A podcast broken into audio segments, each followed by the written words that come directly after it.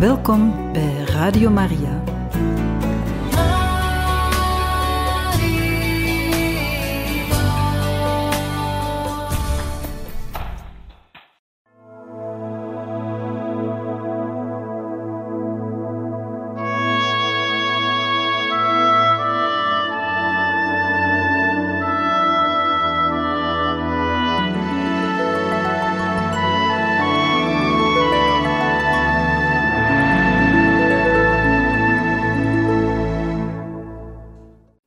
Waren bezig met het hoofdstuk Opgroeien in Tremelo. En nu het stukje Handel in bloedzuigers van 1849 tot 1851. Dat de zaken van Frans goed gingen was maar een schrale troost. Hij had eind 1847 1200 frank gespaard door zijn voorraden tegen hoekerprijzen te verkopen maar nu had hij niets meer aan te bieden. Het volgend jaar viel zijn spaargeld dan ook terug tot 280 frank. Hij verkocht wat bezittingen en scharrelde weer 1575 frank bij elkaar, geld dat hij nodig had, want Lyonse had een slecht lot getrokken en moest voor drie jaar onder de wapens. Frans betaalde een neef van Cateau om zijn plaats over te nemen, want Lyonse moest voor de hoeve zorgen, terwijl hij met eh, Gerard, Gerard, die goed gelood had, naar Oostenrijk zou reizen. Frans had samen met Jacob naar een nieuwe sector gezocht. Door ziekte en honger leed de bevolking aan stressverschijnselen. De enige remedies tegen hoge bloeddruk waren aderlatingen of het zetten van bloedsuikers. Deze laatste methode was zeker maar de wormen waren schaars geworden. De Belgische rivieren waren leeggevist of door de eerste fabrieken vervuild. Zo groeide het plan om in Wenen een kar vol Hirudo medicinalis te kopen en die over de Alpen en door Duitsland naar Ninde te transporteren. Lyonse kon de graanhandel overnemen, terwijl Frans en Gerard de lange en gevaarlijke tocht ondernamen. Jacob wilde niet alleen helpen, hij was ook, alleen hij was ook bereid in het avontuur te investeren. Constance en Cato zouden de hoeve leiden.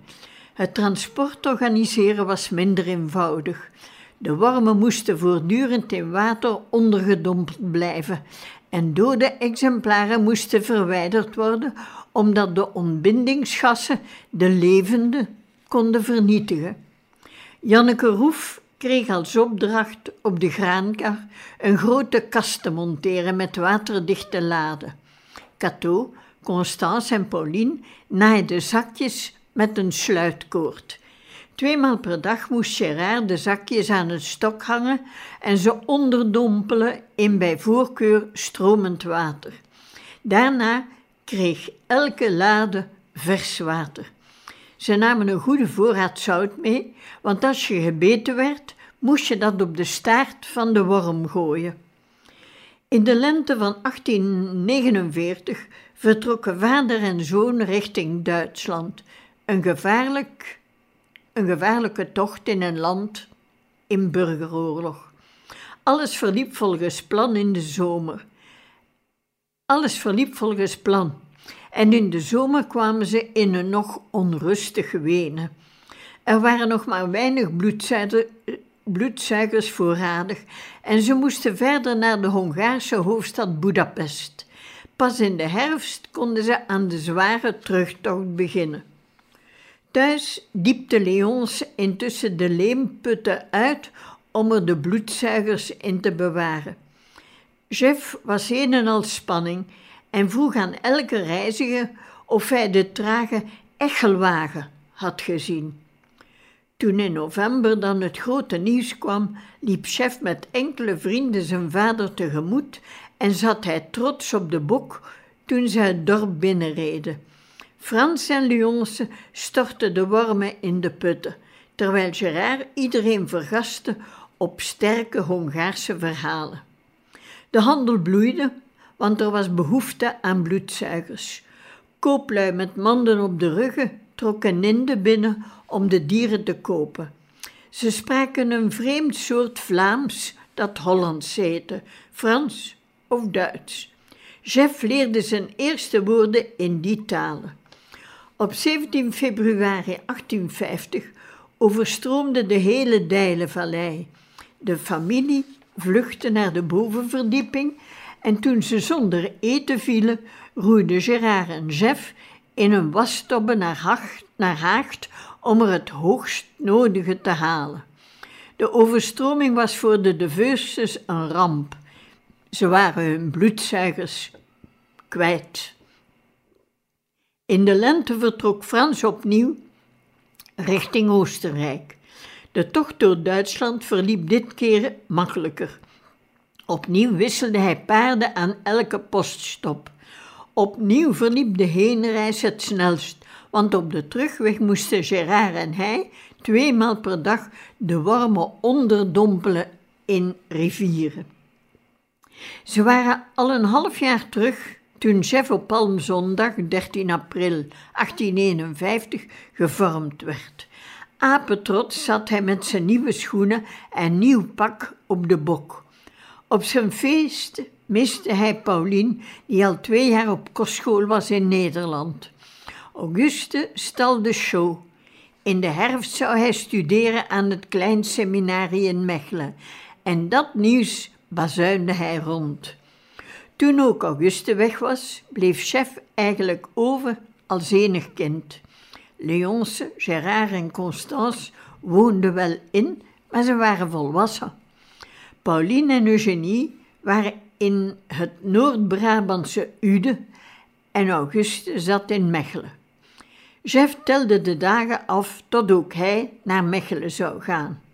Niet dat hij zich verveelde, hij zwom grote afstanden en in de winter schaatste hij met zijn broers.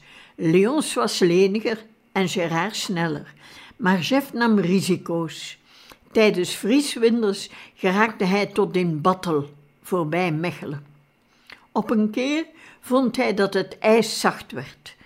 Het was het einde van de winter en al stonden de bomen er nog bij als Japanse pentekeningen, fijne strepen tegen een vriesblauwe hemel, toch hing de lente in de lucht.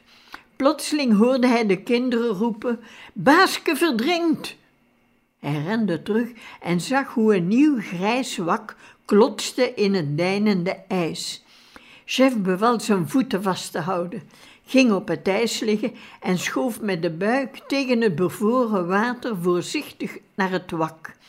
Hij keek naar het ijsbespikkelde water zag niets dan een rode flits van een jak.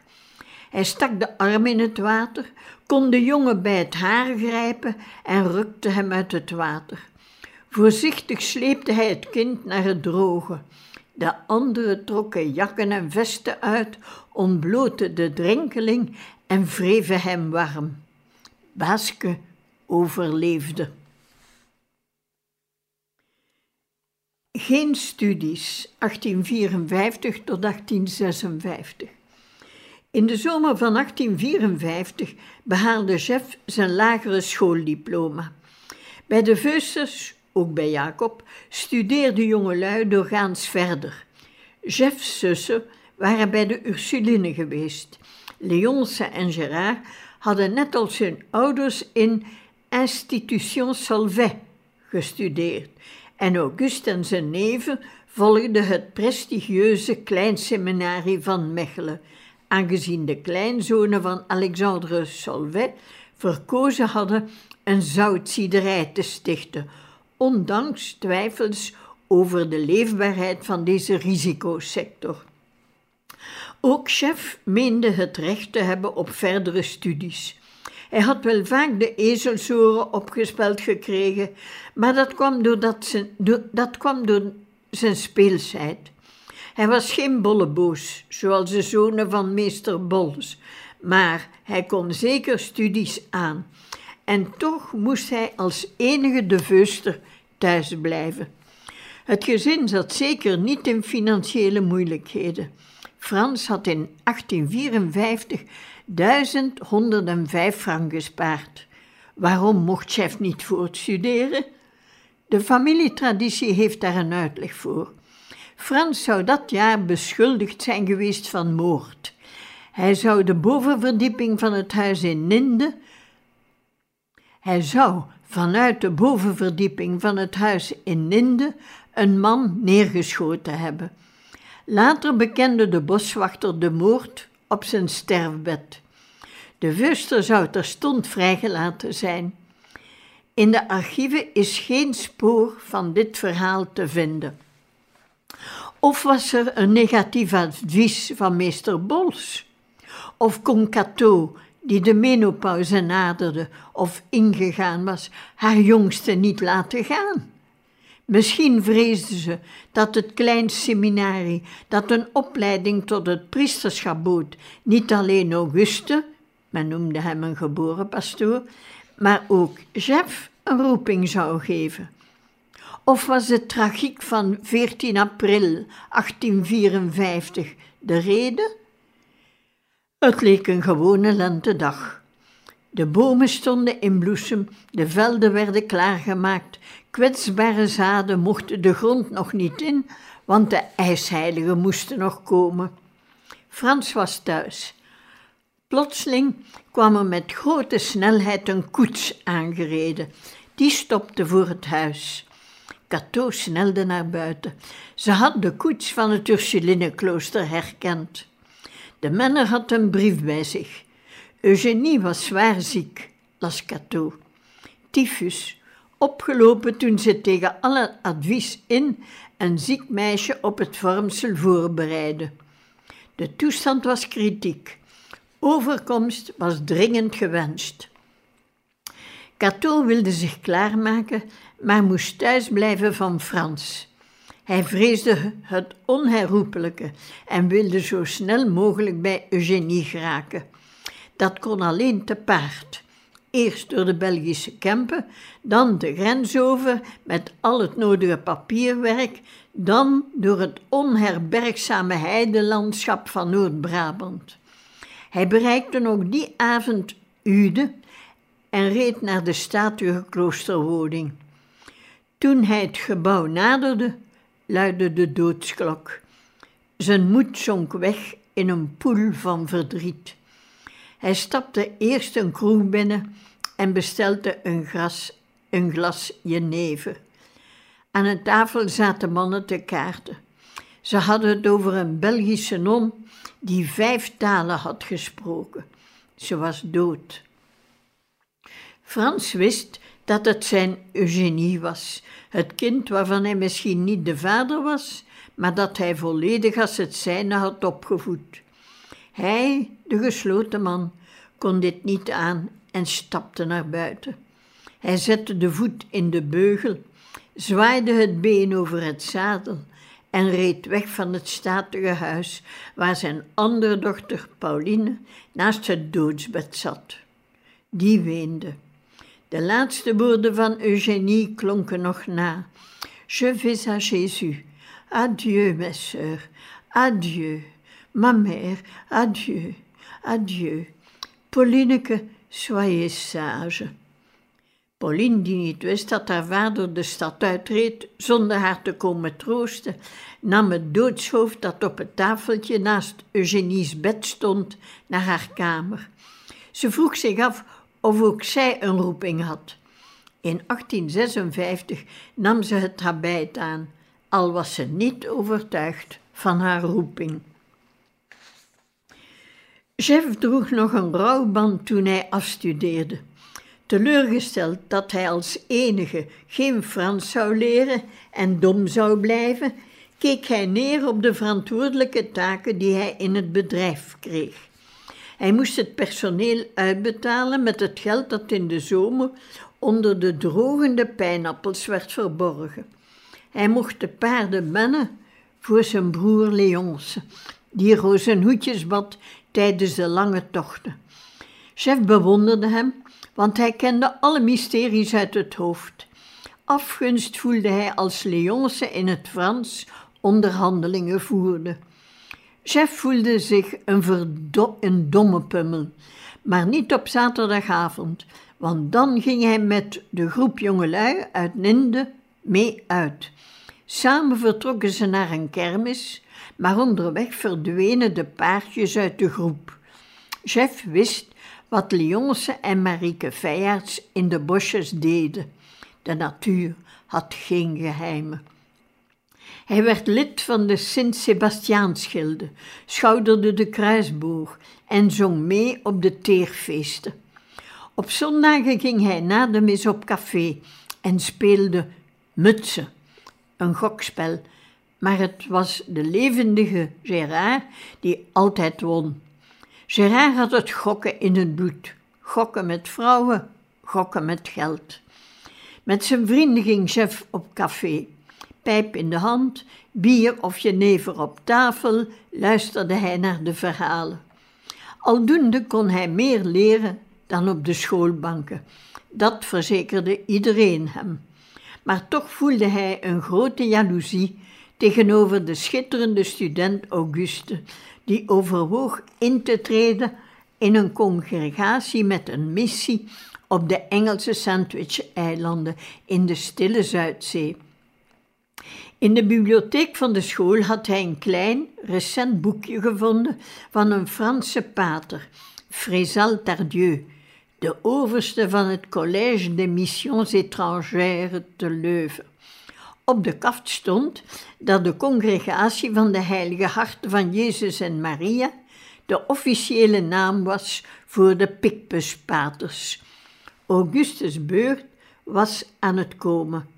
Pauline was al zover. Zij was nu zuster Alphonse en Jeff mocht thuis de stieren bij de loopse koe brengen tot zeventien keer toe.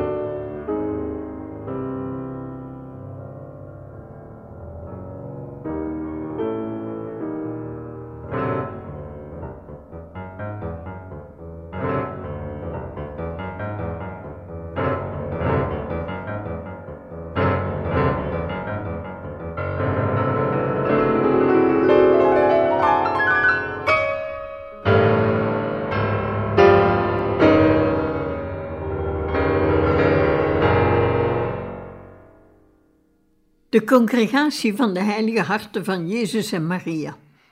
Toch Franse studies, 1856-57. In de 19e eeuw was de verering van de heilige harten van Jezus en Maria zeer verbreid. Veel nieuwe congregaties namen die symboliek in hun naam op.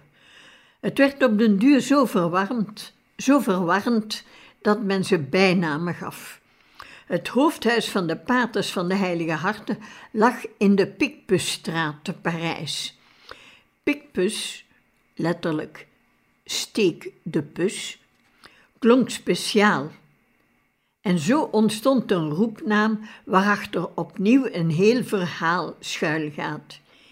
In één zin, tijdens de pestepidemieën verzorgden Augustijnen, die in die straat een klooster hadden, de zieken en prikten ze de blazen vol etter open. Vandaar. Ook het hoofdhuis zelf had een geschiedenis. Tot voor de Franse Revolutie was het een Augustinessenklooster, maar de sansculotten sloten het. De slachtoffers van de guillotine, die functioneerden op de Place du Trône, werden in de toen verlaten kloostertuin begraven. Na de revolutie namen de Picpuspaters de heilige taak op zich het massagraf van een duizendtal onthoofde mensen te onderhouden. Dit alles stond in het boekje dat August in de bibliotheek van het Klein Seminarie te Mechelen vond. In Mission Catholique des Îles Sandwich ou Hawaii beschreef Pater Tardieu in grootse termen de vervolgingen die de Picpuspaters op de Hawaïaanse eilanden hadden doorstaan. August begon te dromen van vulkanen en het bekeren van wilden, die niet alleen afgoden aanbaden, maar ook nog het protestantisme hadden geadopteerd. Het pamfletair werk eindigde met een oproep. De katholieke gemeenschap moest God dringend vragen om meer werkers te sturen naar de Hawaïaanse wijngaard. Er was een te groot tekort van oogsters.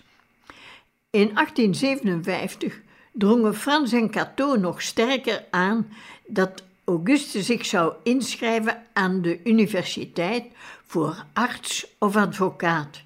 Maar de jonge man van bijna twintig wilde intreden in het Leuvense klooster. Cato protesteerde. Hij was te jong, moest eerst studeren of enkele jaren werken, dan kon hij eventueel intreden. Nu al kon hij duizend frank per jaar verdienen. Auguste werd kwaad en vroeg of zijn ouders het geld nodig hadden. Dat hadden ze niet. Ze zouden beter eerst even met hem naar het klooster gaan kijken. Dan pas mochten ze hun bezwaren bekendmaken. Cato, Frans en Auguste namen achter het Leuvense stadhuis een kasseiweg tot aan de Sint-Michielskerk en moesten dan een steeg in. Een bombastische poort kondigde een rijk klooster aan, maar binnen de muren was het armoe troef. Ze keken in een kale wachtkamer naar lege muren, zittend op harde stoelen.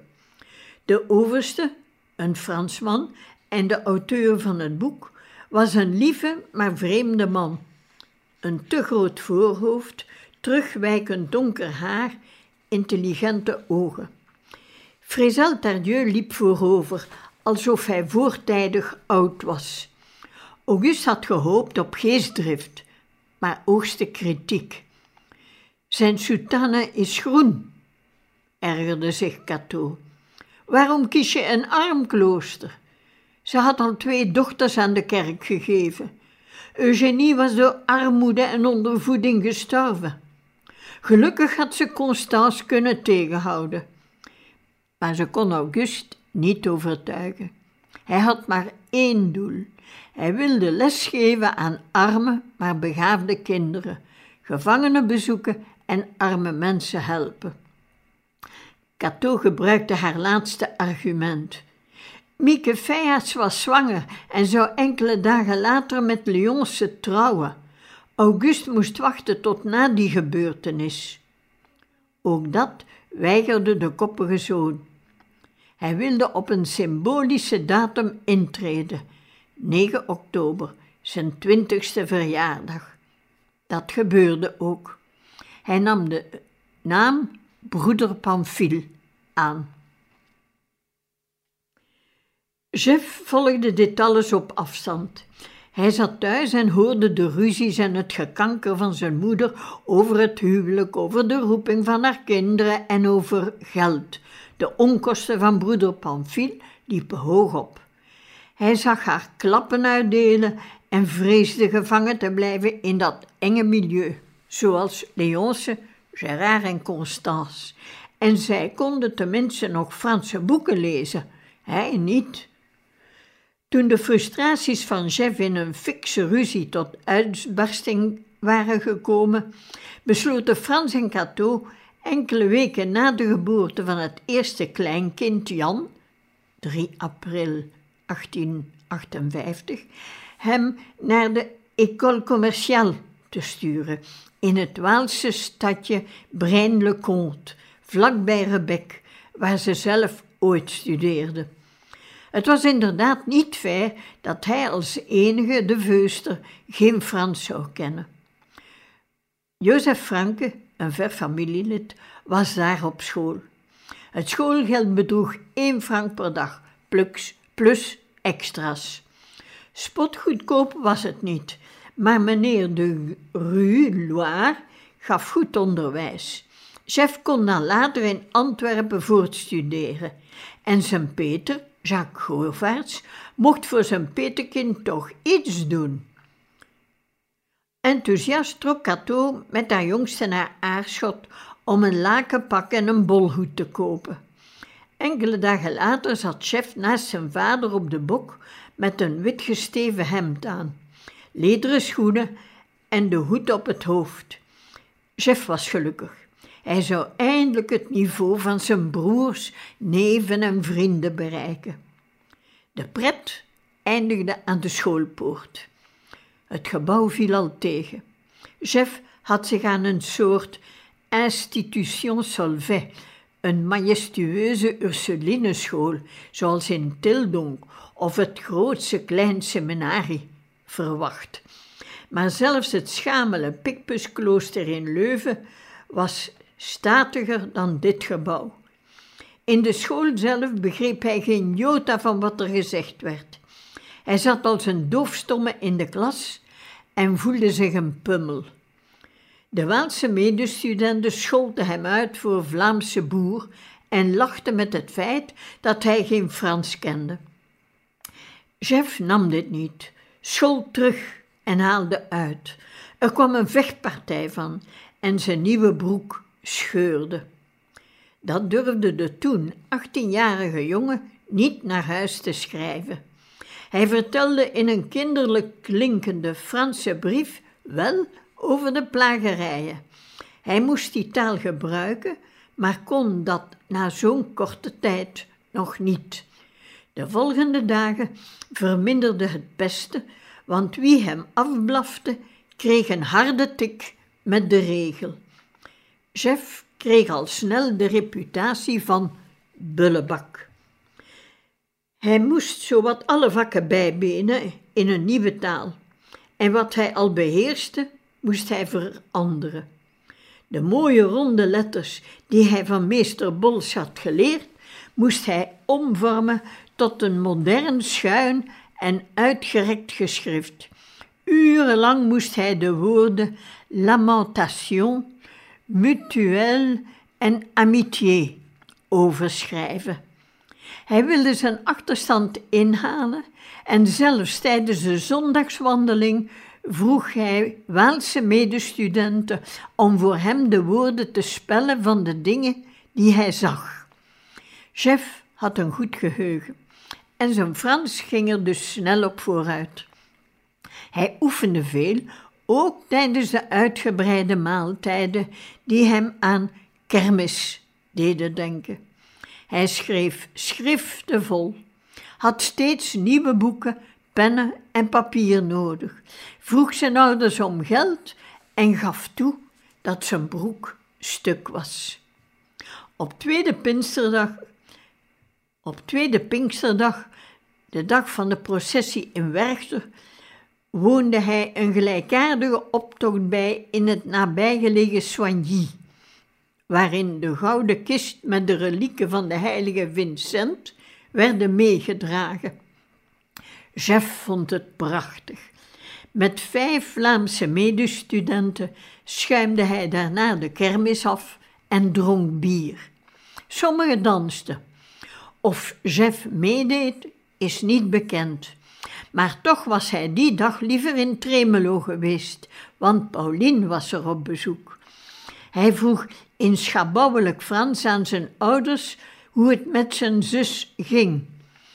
Je vous prie de me dire comment se porte de ma sœur et toutes les autres choses.